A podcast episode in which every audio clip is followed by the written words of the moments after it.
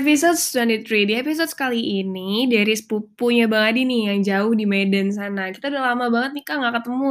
I miss you Kak Nadine. Hai Kak, karena hari ini kita lagi di podcastnya Bang Adi. Boleh dong cerita-cerita sedikit momen kalian semasa kecil dan describe Bang Adi tuh orangnya seperti apa di keluarga. Halo Adi, jadi aku sama Adi tuh lahirnya cuma beda satu bulanan lebih. Tapi aku yang lahir duluan. Gimana ya, aku tuh kan di Medan, terus Adi di Padang Sidempuan. Jadi kalau kenangan waktu kecil sama Adi tuh aku tuh nggak inget. Terus nggak lama Adi kan pindah dia ke Jakarta lagi kan. Palingnya aku inget itu kalau Adi sekeluarga main-main ke Medan. Kita tuh udah pasti rame-rame diajakin jalan-jalan ke Padang Sidimpuan, nginep rame-rame di radionya Wah, itu seru kali tuh, nginep rame-rame tuh kan. Terus udah pasti kalau ke Sidimpuan itu kita diajak mandi sungai. Itu udah pasti kali.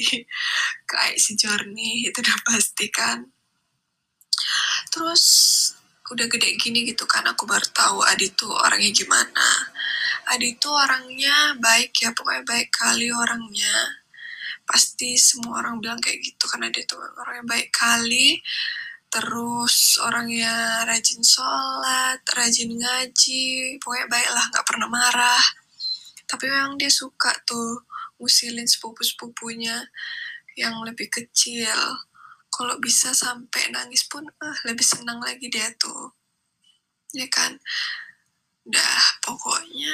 ya gitulah. Adi orangnya baik kali lah pokoknya. Dan enak juga untuk diajak ngobrol. Adi di ulang tahun yang ke-24 ini semoga cita-citanya segera tercapai. Jadi pribadi yang jauh lebih baik lagi dari sebelumnya. Sukses dunia dan akhirat. Terus makin jadi anak yang berbakti kepada kedua orang tua, pokoknya yang terbaik untuk semuanya. Dan kalau bisa cepet-cepet nih nikah sama April ya kan, biar kami cepet-cepet juga nih main ke Jakarta lagi, oke? Okay? Happy birthday Adi, wish you all the best.